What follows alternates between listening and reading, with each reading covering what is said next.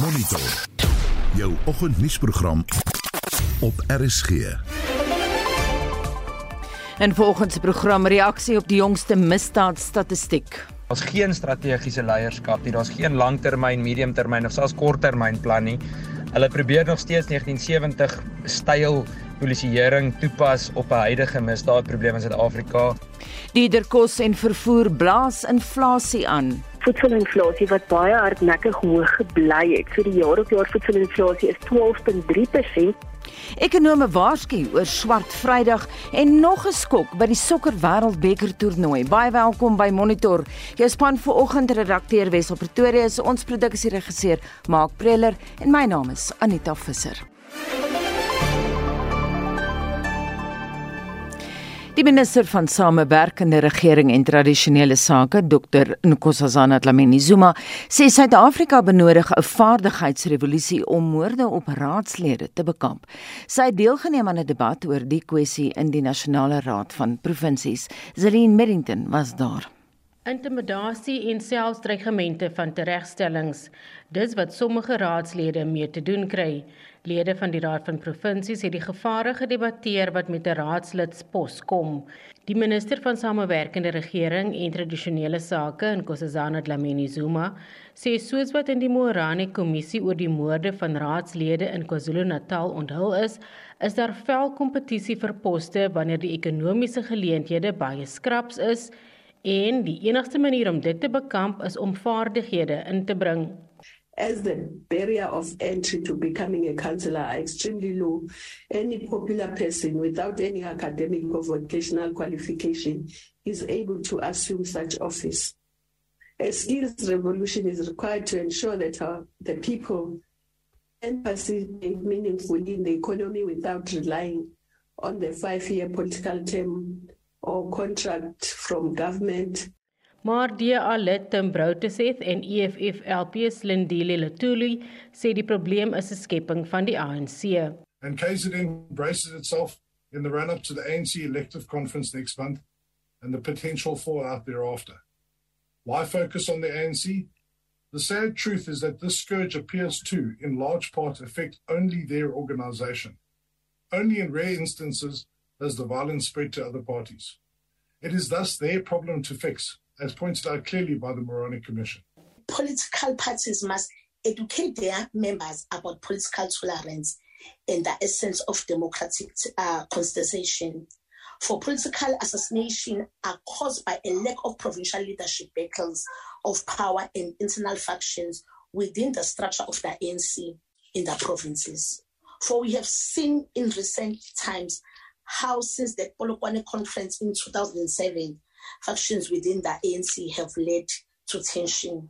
'n Lid van die Oos-Kaapse wetgewer, Babalwa Lobishe, meen die moorde is 'n goed georkestreerde plan van die kollegas van die slagoffers. The Eastern Cape murder figure of councillors during the last quarter has jumped to double digits, putting it at 17%. In this uh, 17%, the research has found that most of these murders are pre-planned premeditated and carried out on the victims while they are relaxing at their homes, unsuspecting, or in their drive-by. Die denkminister van polisie Kassel Matale sê 'n taakspan wat die tipe misdade in KwaZulu-Natal ondersoek, maak baie goeie vordering. The task team has to date allocated and currently investigated 302 dockets in in which 329 arrests have been made. This team has a 57% detection rate, 43% court rate, and 85% conviction rate. We are clearly at work dealing with criminality. Dit was die adjunkminister van polisie Kassel Matale, Zelin Merrington, Parlement. Die minister van Polisie, Bekkie Cele, sê geweldsmisdade teen vroue en kinders is ontstellend hoog. Cele het die kwartaallikse eh, die kwartaallikse misdaadstatistiek in Pretoria bekend gemaak. Dit behels misdaad wat tussen 1 Julie en 30 September vanjaar by die Suid-Afrikaanse Polisie Diens aangemeld is. Vincent Mofokeng het meer. Die misdaadsyfers word gelyk met dieselfde periode in 2021 toe die land nog ingeperk was weens COVID-19. Kyle sê die tempo waarteen vroue en kinders mishandel, geskend en vermoor word in Suid-Afrika bly kommerwekkend en onaanvaarbaar. Over 13,000 women were victims of assault with intent to cause grievous bodily harm between July and September 2022. 1,277 women were victims of attempted murder, and 989 women were murdered during this reporting period. Over 10,000 rape cases were opened with the SEPs between July and September this year. From a sample of 8,227 rape incidents. Volgens Kele is vasgestel dat 5083 van hierdie voorvalle by die woning van die slagoffers of oortreders plaasgevind het. Hy sê moorde en aanrandingssake is 'n groeiende kommer. 6,662 assault GPH cases were domestic violence related. This means the perpetrator and victim had some type of domestic relations. 7,004 people were killed by other persons in South Africa in the second quarter of 2022-2023 financial year. Mpumalanga is die enigste provinsie wat 'n daling in verkrachting gerapporteer het. Maar dit is nie die geval in KwaZulu-Natal, die Oos-Kaap en die Wes-Kaap nie. Kele verduidelik. Inanda Umlaas Police Station in KwaZulu-Natal and Nyanga Station in Western Cape registered the highest counts of murder during this period. A total of 274 counts of murder were reported in those three areas combined. Fighting crime has also come at a cost for the members of the South African Police Service across the country. 22 police officers were killed during July to September 2022. This is two members less compared to the same reporting period last year. Die polisie sê daar was 'n aansienlike vordering om die DNS-agterstand by hul forensiese dienslaboratoriums te beëindig. Kele sê dit het baie gehelp om die vervolging van onder meer geslagsgebaseerde geweldsake te bespoedig. Let's talk a little bit about this DNA. The prioritization project of court-ready cases where there are outstanding forensic reports continue to gain momentum. Teams from the SAPS and the National Prosecuting Authority have to date processed 17,410 court-ready gender-based violence and femicide cases. This is an increase of over 5,000 cases since the last crime statistics were released in August. Die misdaadstatistieke het ook aangedui dat sowat 558 kinders van April tot einde September vanjaar in die land vermoor is. Die polisie ondersoek dosiere van poging tot moord op 294 kinders en 'n verdere 1895 ernstige liggaamlike beserings aanrandingssake, meestal kinders. Die verslag is saamgestel deur Faniel Shuma. Ek is Vincent Mufokeng vir SAK nuus. En ons bly by die storie en praat nou met Dr. Christe Kok, voorheen die hoof van die polisie se misdaad inligting ontledingsentrum en hy is deesdae onafhanklike misdaad ontleder. Goeiemôre Chris. Goeiemôre. Meer Goeiemôre aan die luisteraars. Chris, meer as 7000 mense is oor 3 maande vermoor. Hoekom dink jy? Waar lê die fout? Ek dink die fout lê En ek, ek moet net byvoeg, moordsyfer natuurlik is een van die die mees uh betroubare misdaadsyfers. Uh die die die fout lê ons wil nie kyk na die analises wat al gedoen is.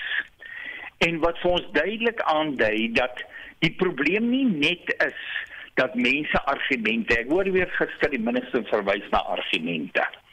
Nou dis bitter moeilik as jy in 'n huis is, mense is in 'n huis, uh familielede, vriende, whatever ook al en hulle is dan besig om daar partytjie te hou en dan is daar 'n argument en die volgende oomblik dan vind daar 'n moord plaas. Dit is eintlik 'n aanranding wat dan lei tot 'n moord.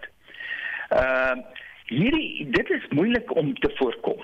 Maar dit is maar omtrent die helfte van ons of dalk selfs minder as die helfte eintlik glo ek dis minder as die helfte van ons moorde.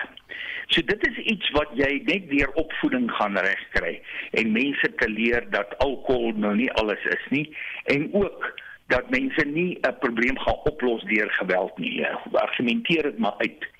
Maar die eintlike probleem agter ons moord is roof. Mense gaan dood tydens rooftogte en dis nie noodwendig motorkapings of huisrowe nie. Daar gaan ook mense dood. Maar die meeste gaan dood tydens straatroof, publieke roof veral in die arm gebiede van Suid-Afrika waar mense laat in die aand en vroeg in die oggend van massa vervoer moet gebruik maak bus, taxi en so voort hmm. en dan uh, moet nog 'n groot afstand in die donker te stap en dan word hulle geroof vir R10 of vir R50 of vir R100. En dan uh uh want die mense is bang die wat hulle beroof dat hulle uitgeken sal word. Mm -hmm. En dan natuurlik neem die die gemeenskap ook nog 'n reaksie. Daar's 'n daar's daar's die die gemeenskap neem die reg in eie hande en identifiseer mense wat dan roof en maak hulle dood. Chris, ek het heelwat vrae vir jou as jy korter kan antwoord asseblief. Minister Klele het gister heftig ontken dat bendes die polisie binne gedring het. Wat dink jy daarvan? Wel, bendes as 'n ou feit dat bendes in die in die Weskaap veral dat hulle van die polisie in hulle sak het. Kom ons kyk 'n bietjie na die aanrandingsklagtes. Uh 85000 is uh aangemeld. Maar interessant in Vincent se storie wat ons uh, nou geluister het nou, daar word gekwalifiseer. Hulle praat van dit behels misdade wat uh, tussen 1 Julie en 30 September aangemeld is. Hoeveel misdaad vlieg onder die radar? Veral as dit kom by die sogenaamde ehm uh, geslagsgebaseerde uh, geweld uh jou jou uh, domestic violence en as dit kom by verkrachting en aanranding dan is daar baie wat nie gerapporteer word nie. Kom ons kyk 'n bietjie meer in diepte dan Christna seksuele oortredings wat met 11% gestyg het. Hmm. Dit het gestyg met 11% glo ek omdat ons in die verlede baie hoë vlakke van onderrapportering gehad het en dan kry jy weer 'n bewusmakingsveld tog soos wat ons nou weer gaan kry in die volgende dae en dan begin mense bewus raak maar hulle moet dit gaan rapporteer. Hulle moet dit nie uh, vir hulself hou nie en dit gee dan vir jou 'n stygings. So in 'n misdaad wat lae vlakke van rapportering het, kry jy geweldige fluktuasies. So hierdie is nie vir my 'n snaakse fluktuasie nie. Soos in die verlede eis die politieke partye die minister se kop. Hoeveel skuld dink jy Chris moet hy dra? Ek sê altyd ek uh, ek weet ek is nou een van die min wat hom nog verdedig in die opsig. Ek glo die minister weet iets van misdaad. Uh en ek en ek glo die minister weet iets van polisieering. Maar een persoon kan nie hierdie saak regstel nie. Hierdie is 'n saak wat deur die polisie bestuur reggestel moet word en deur die regering bo die minister. Uh want een van die groot probleme is die polisie gaan gebuk aan 'n gebrek aan aan aan aan hulpbronne. En en dit is 'n politieke besluit om dit vir hulle hulpbronne te gee. Die tweede een is die polisie bestuur self van op alle vlakke moet regtig gaan en kyk na die die regte fokus op misdaad. Hoe sigbaarheid, intelligensie gedrewe operasies en die tipe van ding. Jy praat nou van hulpbronne, Chris, verblydend is dat DNS toetsing nou vinniger plaasvind of hoe? Ja, daaroor is daar lyk my 'n verskil in mening. Die mense wat meer weet van forensiese toetse en van DNA toetse, daar's organisasies wat daar uh, rondom bestaan, sê nee, die minister is besig om nou met die syfers te speel. Maar ehm um, so ek sal nie weet nie want want wat die mense weet nou nie wat die regte storie is nie. Ek wil terugkom na die moorde op vroue en die verkrachting van vroue en so aan. Jy het ook verwys na die aard van huishoudelike geweld. Dink jy die antwoord is 'n gemeenskaplike holistiese benadering eerder as net 'n polisieeringsaanslag, Chris? Op daardie misdaad definitief. Op daardie misdaad is die gemeenskap bitter belangrik. Die skool is belangrik, die kerk is belangrik. Ehm uh, ja nee, dit moet 'n baie sterk holistiese en en veral as dit kom by daardie tipe misdaad. En net laasens, as jy een ding vir uh, die minister kon sê of as jy die polisie kon hervorm, wat sou jy doen? Ek sou vir die minister sê en hy weet baie goed en ek was dit saam met hom toe was hy die nasionale kommissaris Ek sê vir hom sê gaan terug na die resep. Gaan terug na die resep van 2002-3 tot 2011-12. En daardie 10 jaar het al die misdade afgegaan. So gaan terug na daardie resep van hoë sigbaarheid gebaseer op intelligensie. En dit klink soos die Bobby on the beat, dit dan Chris de Kok 'n onafhanklike misdaadontleder. Die hoofoorsaak van Oktober se effense stygings in die inflasiekoers was duurder kos en vervoer. Inflasie het tot 7,6% gestyg, dis 'n 0,1 persentasiepunt stygings teenoor September. Nie alkoholiese drank het ook met 12% gestyg, terwyl die prys van brood en graankosse op 'n jaargrondslag met 19,5% gestyg het. Nou ons praat veraloggend hieroor met die hoofekonoom van CH Economics, Dr. Chris Harmse. Goeiemôre Chris. Môre Anita. Is jy verbaas oor hierdie effense stygings in inflasie?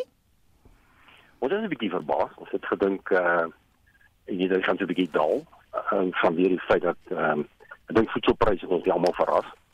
En dan natuurlik ook as jy na die na die afdeling kyk vervoer waaronder petrol val. Uh en ander vervoerkoste het gestyg met 17% jaar op jaar.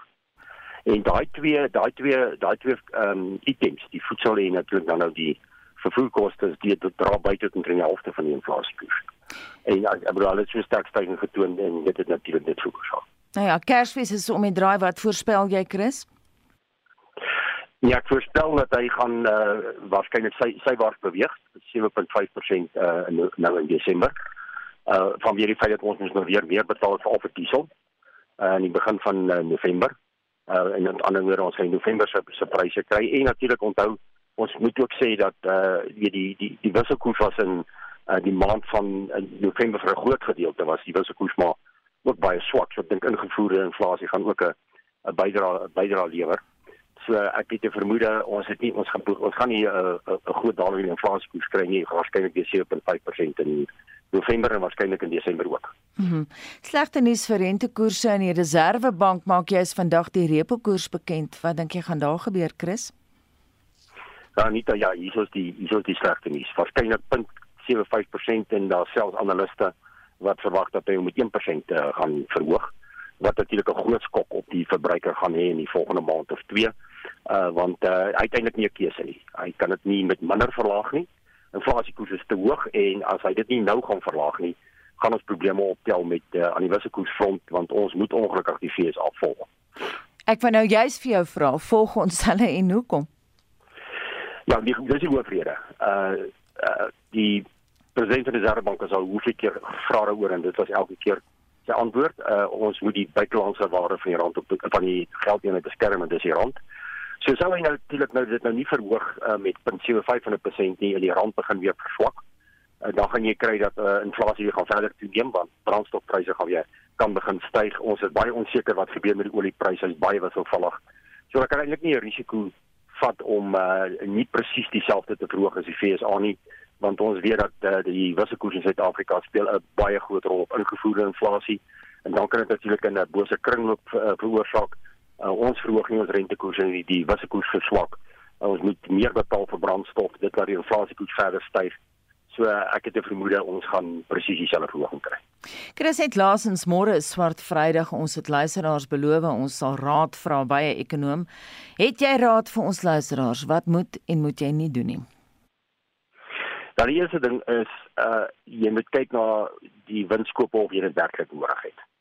Moenie net televisie gaan koop omdat hy goedkoop is nie. Uh ons leer ons studente en ons leer ons uh, leer ander mense hulle hulle gebruik dat ons in die elastisiteit van vraag. Hulle merk hulle merk televisie af met 50% en hulle verhoog hulle omset met 60%.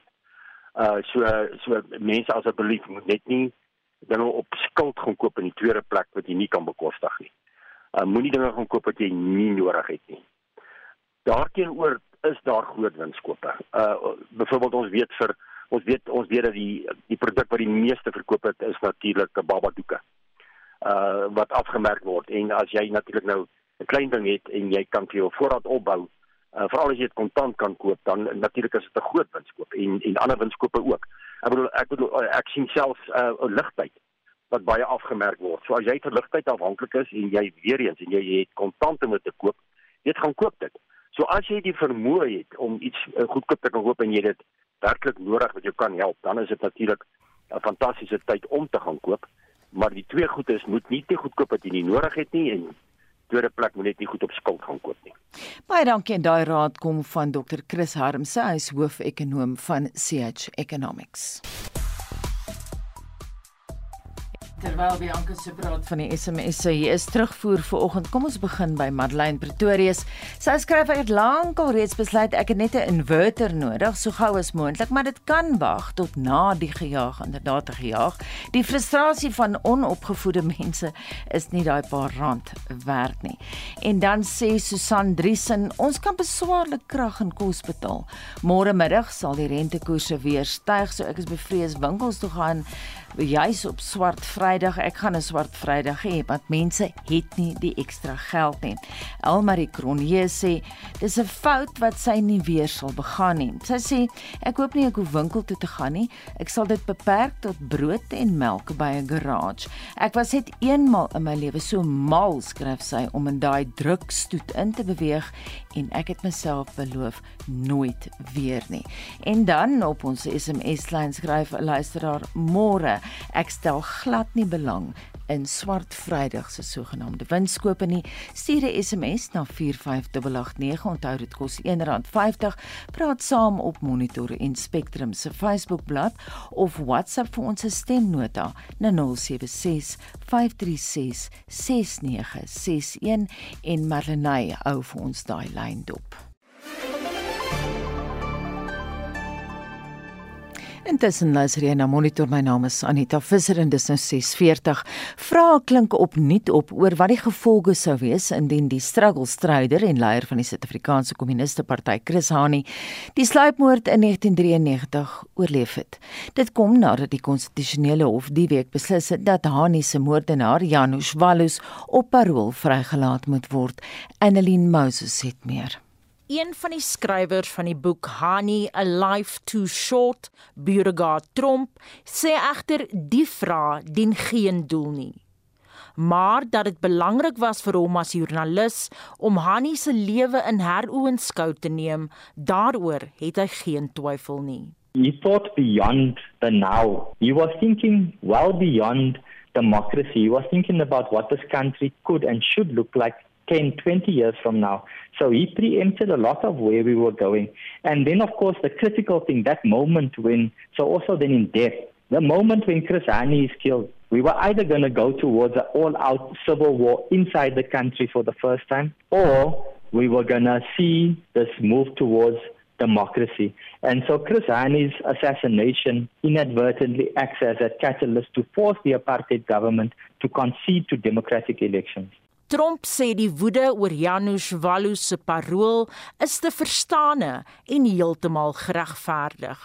The assassination of Chris Hani was probably the closest we came to an all-out race war. And it is, there are so many factors that came into play that saved us from that. And so people, when they think about Janusz Walus walking out there on parole, being a free man, essentially, it's almost like you, you get out of jail free card for somebody who took so much from people, who remember that moment when so much of people's ambitions were crushed when Chris Hani was assassinated. It was truly a mortal sin. It was a spit in the face of so many black people in this country, especially. Hani se weduwee, Dimpu Hani, het ook uitgevaar teen hoofregter Raymond Zondo en die konstitusionele hof. Trump verduidelik hoekom sy nog vroeg en sukkel om afsluiting te kry. You must remember, it wasn't just the assassination of her husband that she had to suffer. She had to suffer the death of one of her daughters. She had to suffer assassination attempts, being hounded out by apartheid regime like a dog in the street. This woman had to escape numerous assassination attempts, bombing attempts by the apartheid regime. Most South Africans can never imagine the kind of harassment and near death experiences and, and loss this woman has suffered. So I absolutely understand and sympathize with her frustration. Trump sê Wallus het nooit die volle waarheid vertel nie. What we know in terms of the facts, in terms of Valush and Darby Lewis's involvement, there must have been more. And that is the other thing that really just doesn't sit well with so many people. There are certain things that Janusz Walus refused to concede. He refused to tell us where, for instance, he got the subsonic ammunition that he used in the assassination of Hani. So you know that there's other people involved. Janusz Walus might be a useful right-wing idiot, but he knows more than he was willing to concede. And that is another reason why people are so, so angry by this decision to actually grant him parole. Dit was die joernalis en een van die skrywers van die boek Hani, A Life Too Short, Beauregard Tromp. Die medeskrywer is Janet Smith. Ek is Annelien Moses vir SAK nuus. Intussen hoop die menseregte organisasie vir gevangenes SAPOR dat die paroolstelsel hervorm sal word. Die versigtiging kom van die stigter en woordvoerder van SAPOR, Golden Miles Bodu, na aanleiding van die konstitusionele hof uitspraak oor die sluipmoordenaar Janusz Walus se parool. Ons is tevrede dat die hof die besluit geneem het dat meneer Walus moet vrygelaat word op parool in die volgende 10 dae. En ons hoop dit gaan ook 'n effek hê op lewenslange gevangene wat in dieselfde situasie is as meneer uh, Janus Walus en ander gevangene wat in 'n uh, ligter situasie was as meneer Walus. En ons hoop dat die departement korrektiewe dienste nie nog die proses verder gaan vertrag nie want daar is van die lewenslange gevangene wat al 15 jaar ons vrygelaat was insluitend die oorledene meneer Clive Debbie Louis en meneer Walus en baie ander lewenslange gevangene en ons hoop die departement korrektiewe dienste gaan seker maak dat dit wat gebeur het in hierdie voorval nooit weer gebeur nie. Dit is eintlik wat ons die hof wil voorgevra het om te sê nooit ooit weer moet politiek inmeng met uh, die korrektiewe dienste wet en en en hulle se regulasie want dit is 'n baie gevaarlike speletjie daai waar jy die uitvoerende executive kry wat inmeng met die strafreg proses in die land of enige ander land. En dit was die stigter en woordvoerder van Sapor Golden Miles Boede. 6:45 tyd vir wêreldnuus gebeure en ons is teen hierdie tyd natuurlik gewoond aan beerdkrag, maar stel jou voor temperature is onder vriespunt en jou stad is bonopas deur 'n missiel getref. Dit is Oekraïners se voorland en dit is hoekom president Volodymyr Zelensky Rusland beskuldig van misdaad teen die mensdom. Hy het die VN-veiligheidsraad toegespreek na missielaanvalle wat die land se kragnetwerk teiken en Marlenae Forsie het vir ons meer daaroor. Marlenae Ja, net al minstens 7 mense is dood en inwoners het geen manier om hulle self warm te hou nie. Hulle het ook nie toegang tot water nie. So, net buite Kiev moes inwoners gister al wonings in die donker ontruim. We heard rockets flying and then we heard a loud explosion.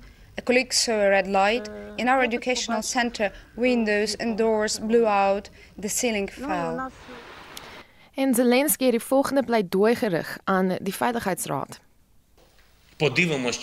Let's see if anyone in the world, along with Russia, can say that terror against civilians is supposedly good. There must be no room for terror in the world.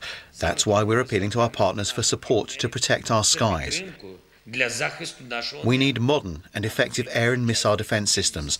I thank everyone who's already helping. En Rusland se ambassadeur aan die VN, Vasily Nebenzia, het eenvoudig so gereageer. To weaken and destroy the military potential of our opponents, we are conducting strikes with precision weapons against energy and other infrastructure, which is being used for the purpose of military supplies of Western weapons to Ukrainian units. En na aanvalle is minstens 90% van Moldowië nou ook sonder krag gelaat. Die land maak op Rusland en Oekraïne staat vir krag en onsekerheid neem toe oor waar hulle nou gaan krag kry oor die winter. In Turkye sê president Recep Tayyip Erdogan dat nuwe grondaanvalle geloods gaan word teen Koerdiese teikens in Sirië. Dis nou na die dood van minstens 6 mense tydens 'n bomaanval in Istanbul vroeër die maand. Hier is wat hy het te sê daaroor. Uçaklarla, toplarla The operations we're engaged in with fighter jets, artillery, and unmanned combat drones are only the beginning. Our determination to seal off all of our southern borders, from Hatay to Hakkari, with a security line to prevent an attack against our country is stronger than ever. Nou die Koerdiese militante ontken die aantuigings teen hulle en sê boonop hulle het tientalle mense verloor in die afgelope 4 dae se bomaanvalle in Sirië en Irak. En ons bly in die streek lyfstraf is toegedien aan 12 mense by 'n sokkerstadion in Afghanistan. 3 van hulle is vroue en hulle is voor duisende mense met swepe afgeransel. Ja, Anita, volgens die Taliban was hulle skuldig aan morele misdaad. So dit sluit nou in volgens die Taliban egbreek, diefstal en homoseksuele aktiwiteit. Nou die praktyk herinner sterk aan die vorige Taliban regering in die 90's en wat hulle gedoen het. 'n um, Taliban woordvoerder sê vroue is vrygelaat, die drie van hulle nadat hulle gestraf is en van die mans is nou tronk toe gestuur. Nou tussen hulle is daar so tussen 21 en 39 sweepslae per persoon uitgedeel. 39 houe is na bewering die maksimum houe wat toegedien mag word. Intussen is die Chinese gefrustreerd want terwyl die wêreld die wêreldbeker sokker toernooi geniet, loop hulle steeds deur onder inperkingsregulasies. Hulle mag nie soos die res van die wêreld by einkomste hou om die wedstryde te kyk nie. Dis 'n nou deel van China se zero COVID strategie. Nou gemeenskappe waar COVID gevalle steeds aangeteken word, word toegemaak sodat die virus nie kan versprei nie. En in die afgelope 24 uur is 28000 nuwe gevalle aangeteken in elke streek op provinsiale vlak. En dit was Marlenae met wêreldnuus gebeure. Die gesin van die man wie se twee Amerikaanse veghonde na bewering die 3-jarige Keketso Saule op Henneman in die Vrystaat doodgebyt het, het hulle hartseer oor die dood van die kind uitgespreek. Die 30-jarige Leboang Pali het in die Henneman distrikshof verskyn op aanklagtes van strafbare manslag en wreedheid teenoor diere. Die hond het die kleuter Sondagoggend verskeur voordat sy ouma en bure die hond van hom kon aftrek. Mitsi van der Merwe het die besonderhede. Die aangeklaagde Leboang Pali het aan die hof gesê dat hy nie sy gesig op televisie vertoon wil hê nie. Dit nadat die landdros Clive Kipido, die senior verslaggewer van die SAK, Ismail Modiba, laat verduidelik het hoekom dit in die openbare belang is. Pali se saak is tot 23 Januarie uitgestel vir verdere ondersoek en regshulp vir die beskuldigde. Die beskuldigde se broer, Jeffrey Morapelli, sê die voorval was 'n ongeluk. As the Morapedi family and a brother to Lebohang Padi, we send our condolences to what transpired. As the Morapedi family, we are deeply concerned about what happened. This is an extremely sad for both families. As the brother to Lebohang, we accept what happened and appeal to residents of Pomolong not to take the law into their own hands. As a family, we plead with the community on what happened and accept it as an accident that can happen to any family here in Pomolong. Motswaphomolo. Die gedenkdiens vir Saul word vandag gehou by die Mamelo Dagsentrum wat hy bygewoon het. Sy begrafnis is Saterdag in Pomolong in Henneman. Ismail Modiba het hierdie verslag saamgestel. Mitsi van der Merwe, SAK-nuus. Suid-Afrika se beste brandnavorsers en ander belanghebbendes vergader die week op George vir die 13de nasionale brandbestuur simposium.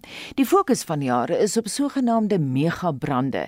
Die keuse van die tuinroete as ligging is gepas, gegee die twee megabrande in 2017 en 2018. Tanya Krause het meer.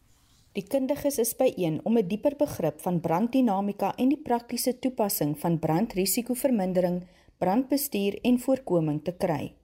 Met die brandseisoen op hande is die vraag of hulle gereed is vir die volgende megabrand. Die hoof van NMI se Bosbou departement, Tian Pool. Wat ons geleer het uit van die vorige vernietigende vure wat ons gehad het, ek kan verwys na die Nysna vuur byvoorbeeld, is dat ons nie gereed is om vure op hierdie skaal te hanteer nie.